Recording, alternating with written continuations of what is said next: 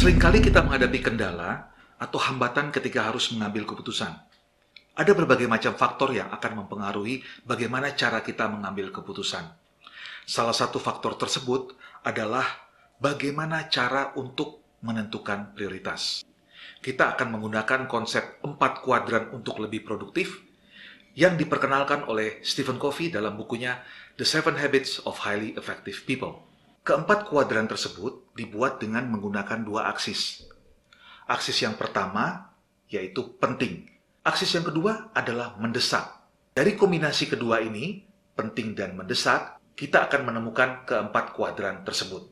Kuadran yang pertama yaitu penting dan mendesak. Kemudian kuadran yang kedua yaitu penting tetapi tidak mendesak. Kuadran yang ketiga, tidak penting tetapi mendesak dan kuadran yang keempat tidak penting dan tidak mendesak.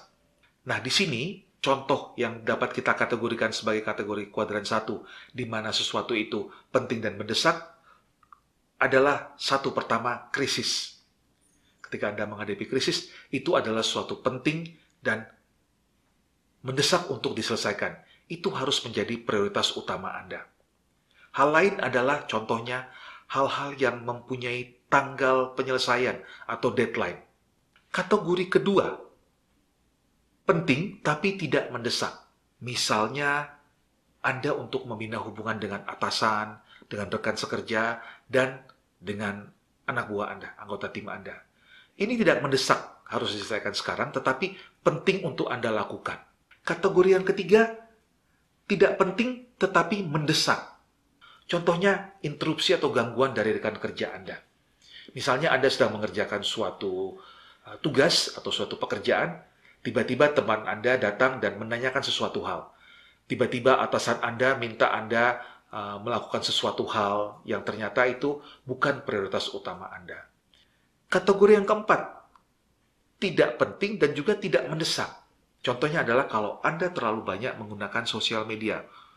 Nah, bagaimana cara kita mengelola keempat kuadran tersebut? Kuadran pertama Anda harus memanage. Apa saja yang masuk dalam kuadran pertama itu. Semua harus dalam kontrol Anda. Kuadran kedua Anda harus fokus. Yang ketiga, hindari. Bagaimana kita bisa menghindari orang untuk datang menanyakan hal-hal yang tidak penting. Yang keempat, batasi waktu Anda dengan hal-hal yang tidak bermanfaat. Jadi, Anda sekarang dapat membuat prioritas dengan menggunakan keempat kuadran itu sebagai acuan. Jadi ingat aksis yang pertama, penting. Penting berhubungan dengan suatu nilai. Kemudian aksis yang kedua, yaitu mendesak. Mendesak ini berhubungan dengan waktu. Nah, setelah Anda mampu membuat prioritas berdasarkan kedua aksis tersebut dan menggunakan empat kuadran tersebut, maka Anda dapat mensinergikan dan menyelaraskan dengan pertama dengan atasan Anda, kedua dengan anggota tim Anda, atau dengan rekan sekerja Anda. Apa sebenarnya manfaat dari kita menyelaraskan? Kita akan tahu di sini bahwa ternyata hal-hal yang masuk dalam kuadran satu atau dua kita, mungkin itu adalah kuadran ketiga dari atasan kita. Atau sebaliknya. Nah, jika kita dapat memahami satu sama lain, tentunya akan memudahkan kita dalam bersinergi. Penting bagi kita untuk saling memahami apa saja yang merupakan prioritas bagi masing-masing.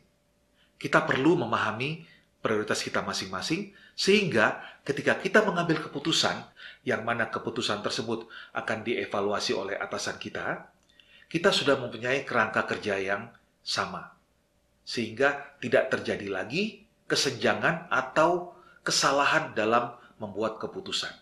Nah, alat ini juga sering digunakan orang ketika mereka harus mengatur waktu. Tetapi harus diingat bahwa ketika kita mengatur waktu atau jadwal, itu semua harus berdasarkan prioritas.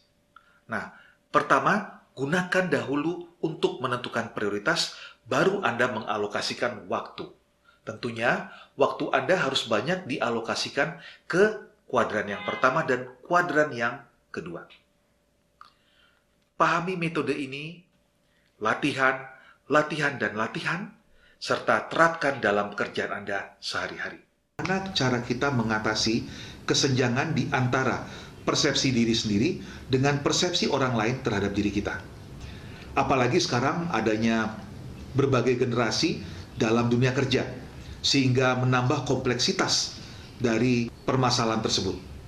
Nah, ini tentunya akan mengganggu proses komunikasi atau proses interaksi di dalam dunia kerja. Ada satu alat atau ada suatu pendekatan yang bisa kita gunakan untuk mengatasi permasalahan ini. Kita bisa menggunakan yang namanya Johari Window. Apa sebenarnya kerangka berpikir dengan menggunakan Johari Window?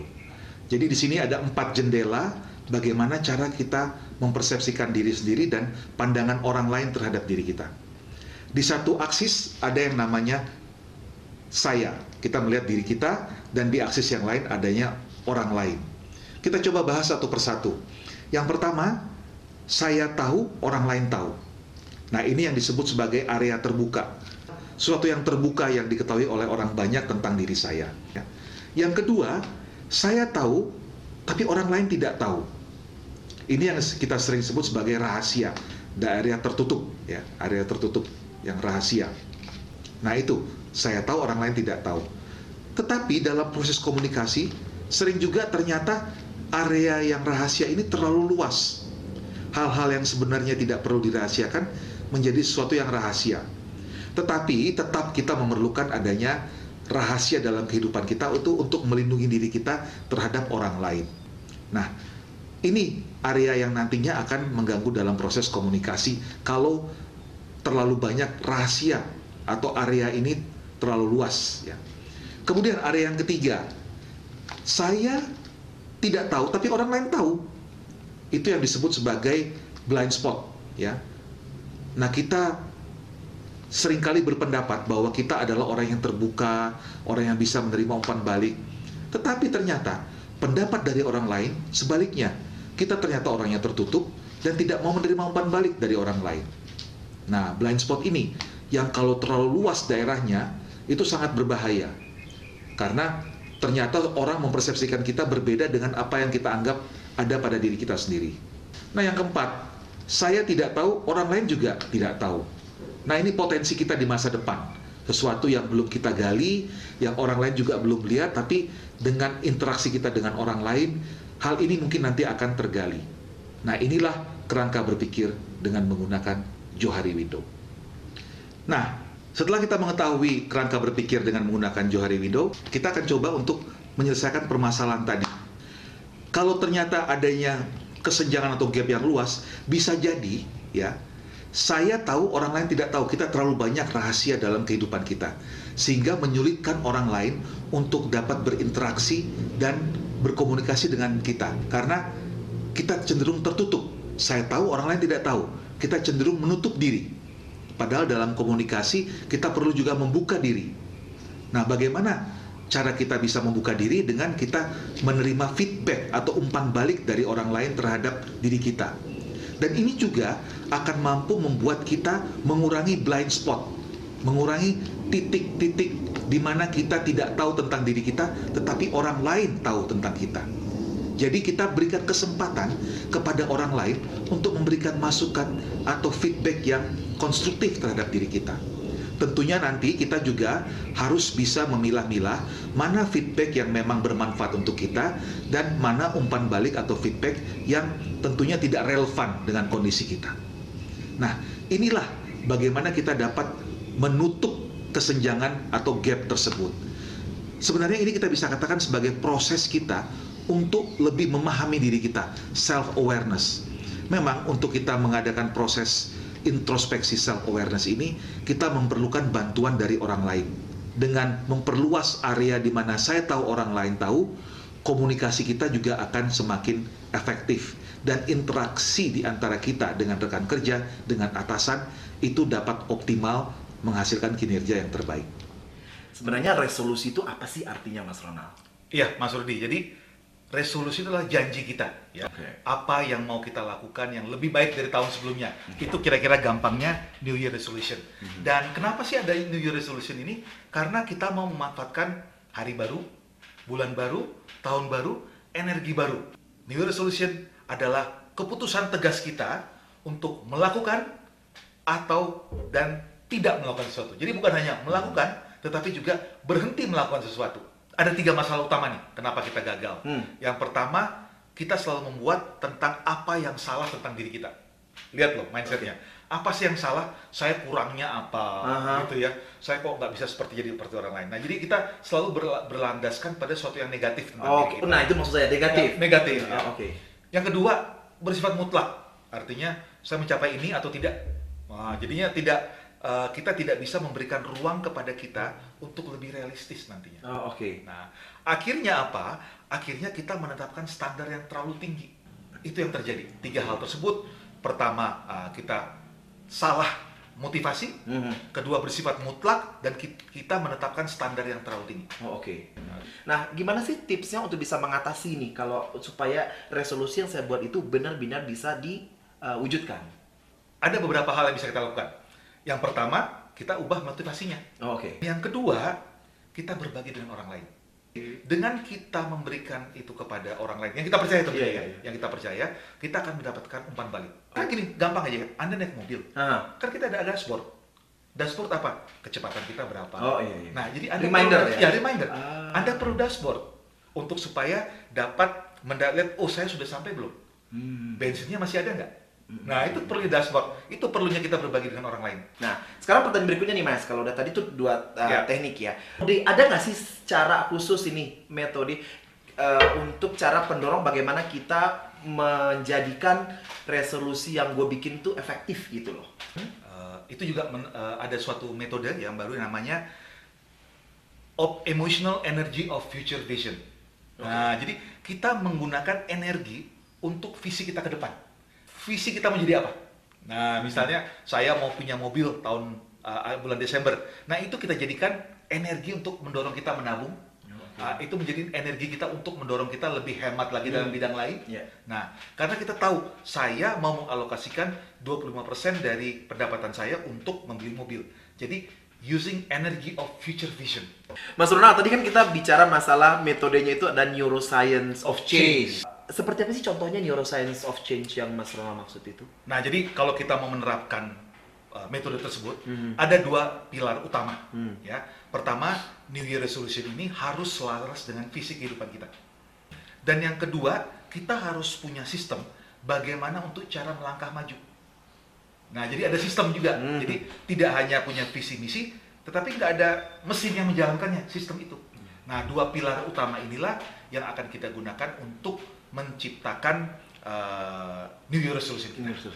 Apa visi Anda tadi kan? Visinya misalnya menjadi bahagia. Nah, apa jalan menuju visi tersebut? Hmm. Nah, jadi kita membuat langkah-langkah mikro, mikro mi- di- dipecah-pecah lagi, sehingga nanti kita bisa memperbaiki. Kalau dari dashboard kita tadi itu ada, oh tadi kita kayaknya agak kurang ya daya tahan kita.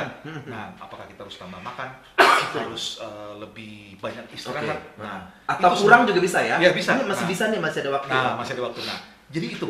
Jadi eh, kita harus ada punya sasaran antara.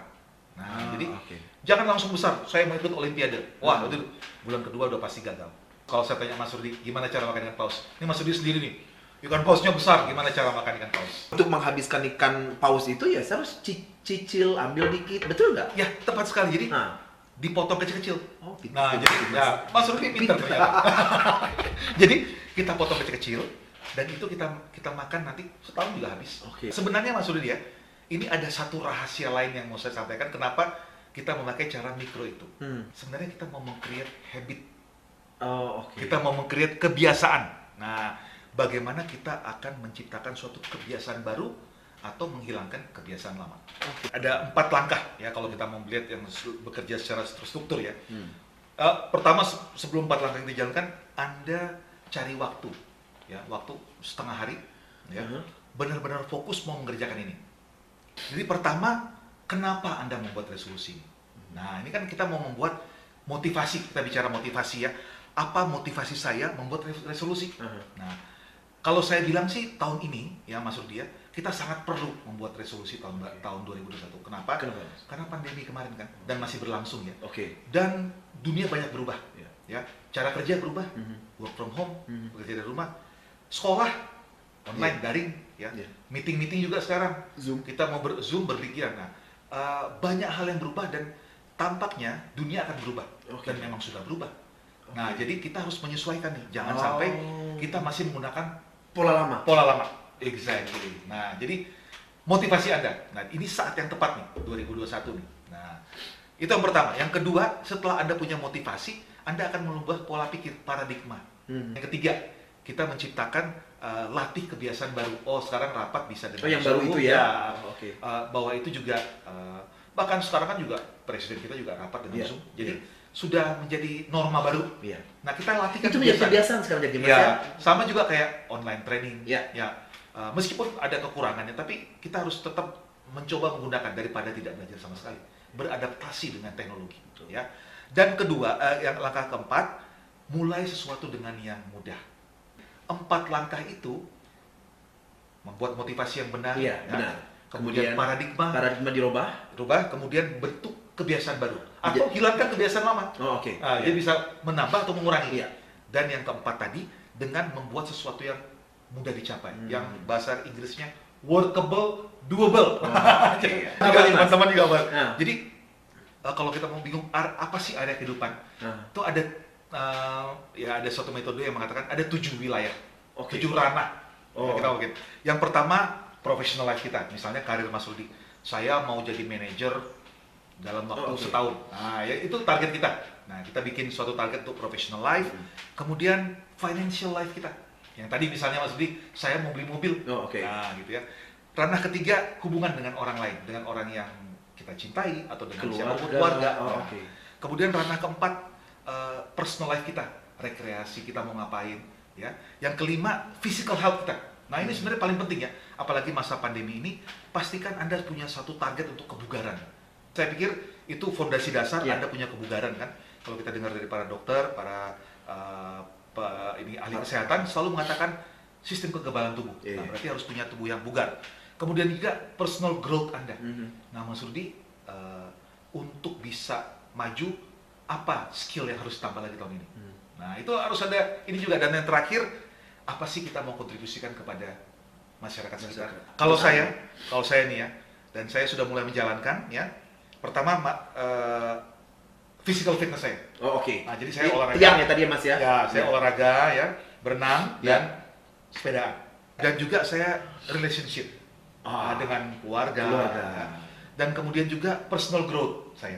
Apalagi saya sebagai konsultan, Ya. saya harus lebih maju dari eh, klien saya. Jadi Apalagi di eh, masa ini ya, Mas masa ya? ini ya, jadi saya Ah, banyak di- investasi untuk beli buku Sure. baru, belajar ikut webinar dari ahli-ahli untuk bisa saya terapkan di klien saya. Jadi saya tiga itu yang saya utamakan ya. Eh, physical fitness kita ya untuk ke- kekebalan kita ya. Kemudian hubungan dengan orang-orang ya karena kita kan sekarang banyak kan dengan eh, melalui online ya. Jadi kalau ke- ada kesempatan dengan ketemu dengan keluarga itu harus dimanfaatkan secara optimal dan menambah kompetensi saya.